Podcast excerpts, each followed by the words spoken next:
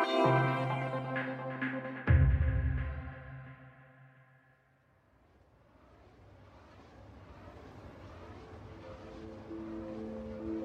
är det ju det här ljudet som kommer också. Då, då är det det här brummande eller ljudet som, som är lite enerverande. På kvällen då blinkar hela horisonten här rött och vitt sken hela tiden. Häftigaste är ju liksom den storleken och den här internationella miljön som har skapats tack vare eller på grund av det här. Det är häftigt. Det, det är väl lite onödigt. Det vore, det, man vet ju inte i framtiden vad som kommer att hända med det kinesiska ägandet. Från sitt köksfönster i norrbottniska Årträsk ser Alice och Ulf Ölund ut över vad som ska bli en av Europas största vindkraftsparker. Men de blickar också ut över resultatet av en kinesisk framtidsplan. Det här är historien om när en kommunistisk diktatur blev storägare av svensk vindkraft. Välkommen till Studio DN Dokumentär.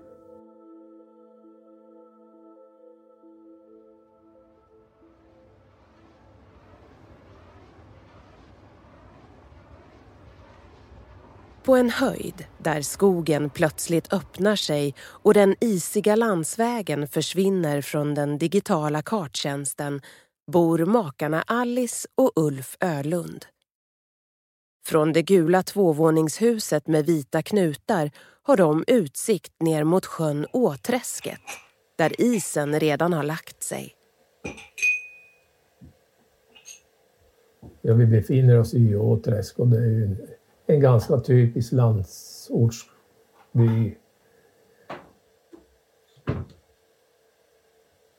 När vindkraftverken poppade upp, då var det lite spännande. Då såg man ju de här kranarna också. Och man tänkte, hur, hur kan de lyfta så där högt och hur får de dit vingarna och sånt där? En efter en slogs pålarna ner i marken på andra sidan sjön. De blickar ju ut mot den svenska vildmarken kan man säga med sjön Åträsket precis framför fönstret och på andra sidan den stora skogen som bara breder ut sig. Jag heter Lina Lund och är reporter på Dagens Nyheter. Där byggs ju det som när det är klart om några år ska bli Europas största landbaserade vindkraftpark med uppemot tusen eh, vindsnurror. Ja, det var, det var ju mycket stjärnor i himlen, på himlen och sånt där. Och nu är det nästan omöjligt att se några stjärnor. Utan nu är det ju blinkande sken.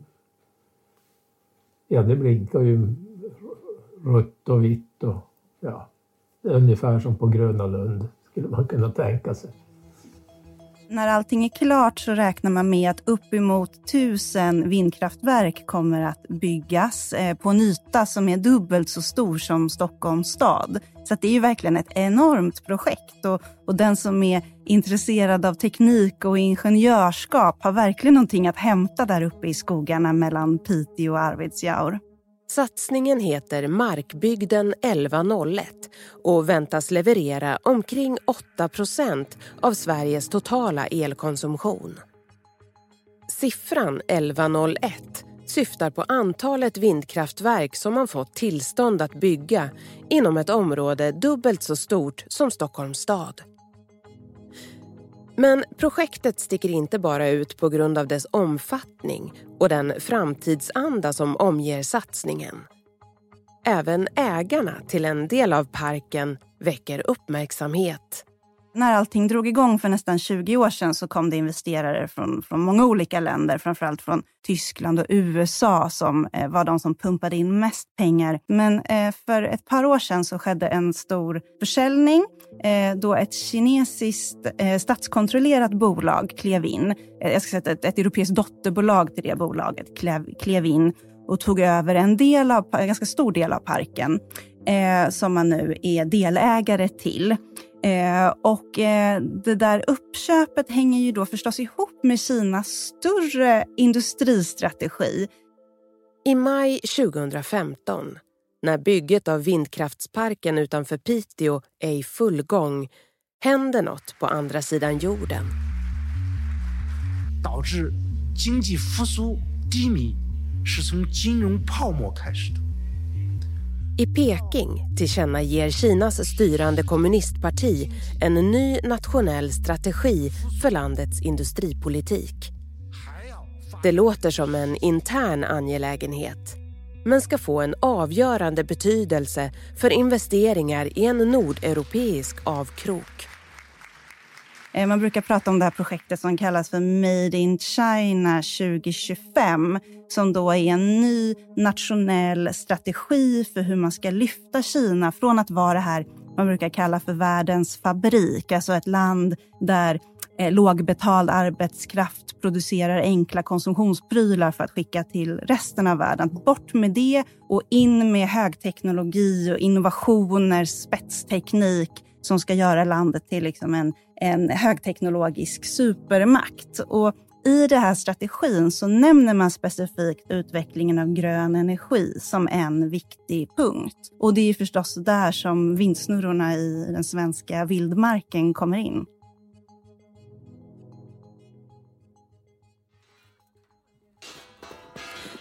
Samma år som det kinesiska kommunistpartiet bestämmer sig för att bli världsledande vad gäller grön energiomställning pekar Sveriges statsminister Stefan Löfven ut målet om att det lilla landet långt uppe i norr ska bli ett av världens första koldioxidneutrala välfärdsländer. Därför att det är så otroligt viktigt att vi tar detta på allvar. Vi ska göra vårt åtagande. Vi ska sänka utsläppen i Sverige. Det är vårt sätt att säga till barn och barnbarn, ni ska också ha en bra miljö.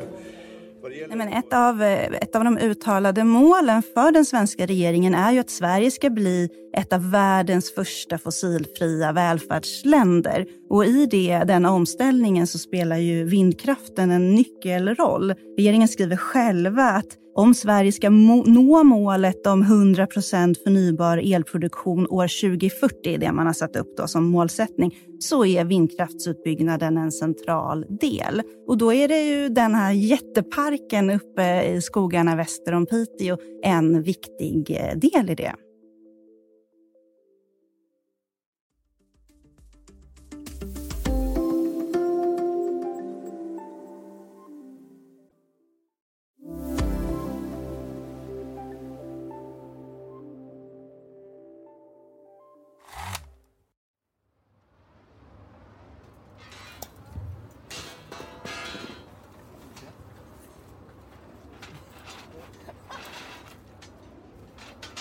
Det är ju fascinerande både att få jobba med en satsning då som är så stor och all den tekniken som omges av det här. Och det är väldigt teknikintensivt nu också i elnätsbranschen. Så det är ju så att det pirrar lite grann i kroppen när man får hålla på med de här transformatorerna.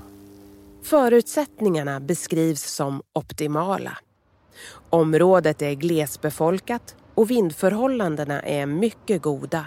Vindkraften står ju ändå för en en avgörande del av vår konsumtion idag trots att det inte blåser jättebra. Så det, är, ja, det är ändå en bra dag. När det blåser pressas luften från låglänta områden upp på platåerna vilket gör att kraften blir extra stark. Elen blir därmed billigare att producera och intresset från utländska investerare har varit stort. Men är Markbygdens vindkraftspark ett framtidsprojekt som kan sätta Sverige på den gröna världskartan? Eller också ett säkerhetspolitiskt vågspel?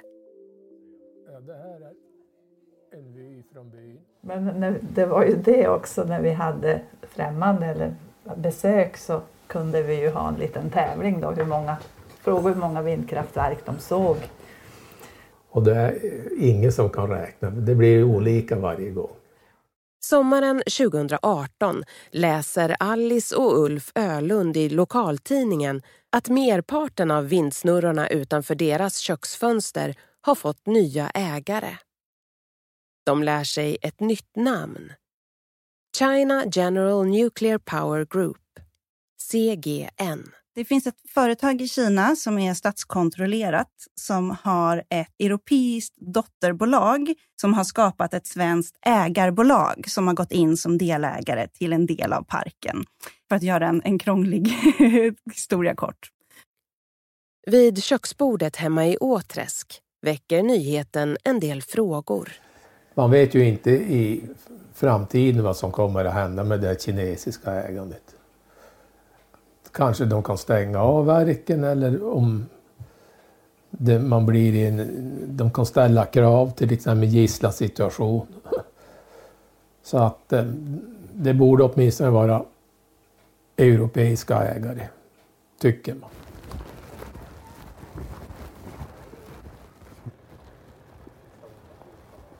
Ja, jag hör av mig imorgon. Jag hör av mig imorgon.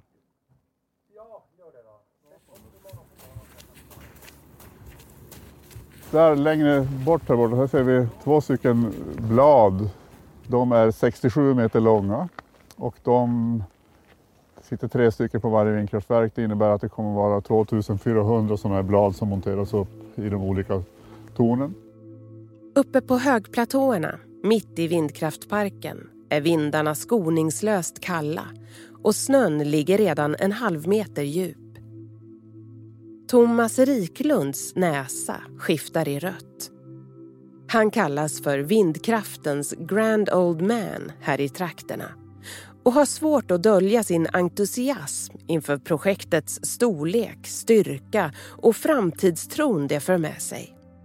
Den här nya gröna energiproduktionen, i detta fall 12 nya terawattimmar, 12 terawattimmar grön energi är ju en våldsam möjliggörare för orten, för regionen, för hela vårt land. Det är liksom flera hundra vindkraftverk men egentligen så är det ju en möjliggörare för att göra andra saker. Det skapar förutsättningar för att bygga gröna batterifabriker, för att bygga alltså grön produktion överhuvudtaget. För några år sedan var det här en avbefolkningshotad avkrok, inte långt från polcirkeln.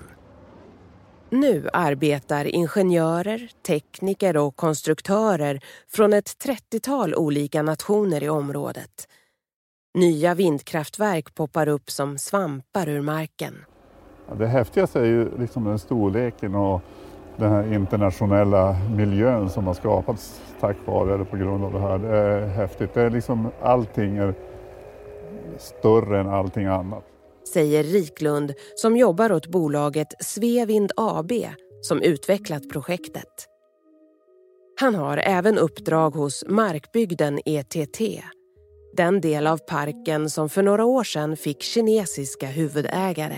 Ja, de är en av aktörerna och de, det finns en diskussion runt kinesiska företag men de agerar ungefär som de andra här inne i, i, i det här projektet. Vi, ja, det, de är också en dag på en vardag på jobbet om man säger så. Men finns det risker med att ett företag underställd en kommunistisk diktatur etablerar sig stort på en liten svensk bygd? Kina är numera världsledande vad gäller vindkraftssatsningar och förra året stod landet för mer än hälften av världens investeringar i ny vindkraft. För svensk del handlar det än så länge om en mindre men växande del av den totala svenska elproduktionen. Förutom i Piteå är CGN delägare i ytterligare fem svenska vindkraftparker. Däribland i Sundsvall och Ljusdal.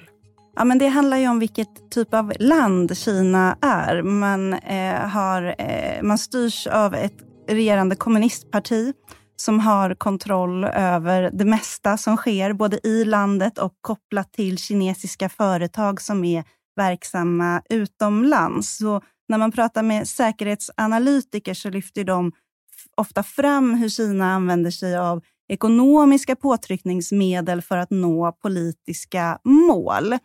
Eh, vi har exempel på hur man i Kina har exempelvis bojkottat eh, hm butiker efter att H&M i Kina uttryckte kritik mot hur man behandlade arbetare i en del av landet.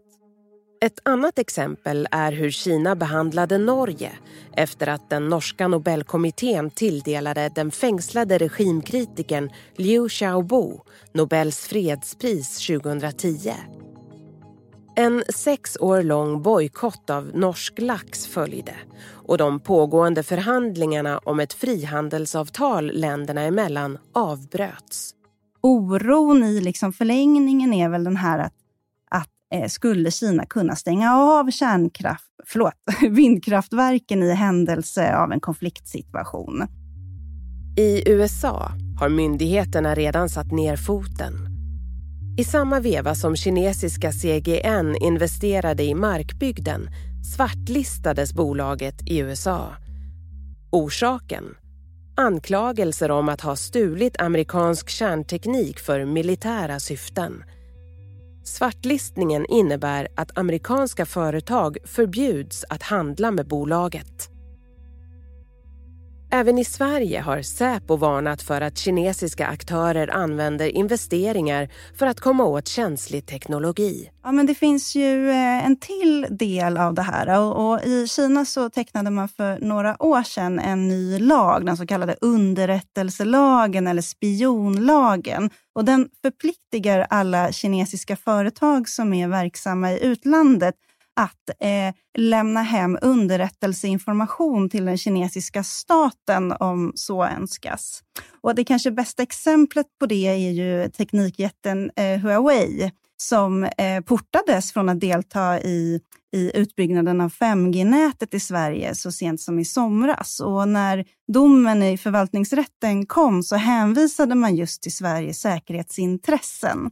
Och även Säpo har upprepade gånger varnat för hur Kina kan misstänkas plocka hem eh, information och utöva industrispionage.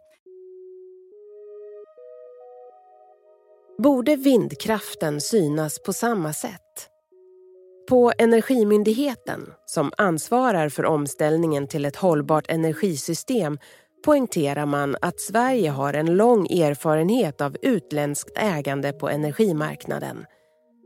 Ett 5G-nät innehåller informationsflöden på ett sätt som vindkraftverk inte gör. Men ekvationen är knivig. Klimatnyttan och det växande behovet av billig grön el vägs mot säkerhetspolitiska intressen. Men i likhet med andra vindkraftssatsningar har projektet kantats av protester, överklaganden och arga insändare. Framför allt har missnöjet handlat om hur närmiljön förändrats. Om förfulning och frågor om hur fisket och jakten påverkas när skogarna förvandlas till ett industriområde. Men vindkraftprojektet har också fört med sig pengar och framtidstro till trakten. Hundratals nya jobb har skapats och byarna har fått nytt liv. I Åträsk har invånarna med hjälp av pengar från vindkraftsentreprenörerna kunnat rusta bygdegården med nya fönster och en hjärtstartare.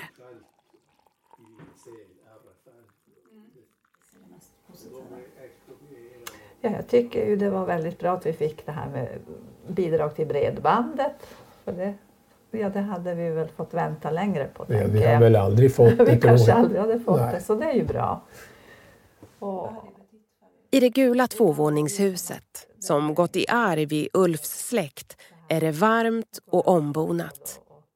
På köksväggen hänger ett broderi med texten God vän är alltid välkommen. Men makarna hyser kluvna känslor inför de nya grannarna på andra sidan sjön. Förut kunde man ta på tystnaden och på våren hördes hur snön sjönk ihop. Men eh, då är det ju det här ljudet som kommer också. Då, då är det det här brummande eller ljudet som, som är lite enerverande. Alice och Ulf sippar på kokkaffet som helst dricks från fat och tittar ut över de snötäckta slotterängarna bort mot den kinesiskägda vindkraftparken. Och mest ser man det ju alltså när det är mörkt. Då ser man ju alla de här lamporna. Men eh, ja, Nåja, men vi vänjer oss. Ja, jag ser dem inte. Det är ingenting Människan som man är tänker på. DN har flera gånger sökt företrädare för CGN Europe och för det svenska ägarbolaget CGNEE Sweden Holding AB utan framgång. DN har också talat med den advokat som står som företagets kontaktperson. Men denne säger att samarbetet med bolaget har avslutats sedan länge och att han inte minns kontakterna.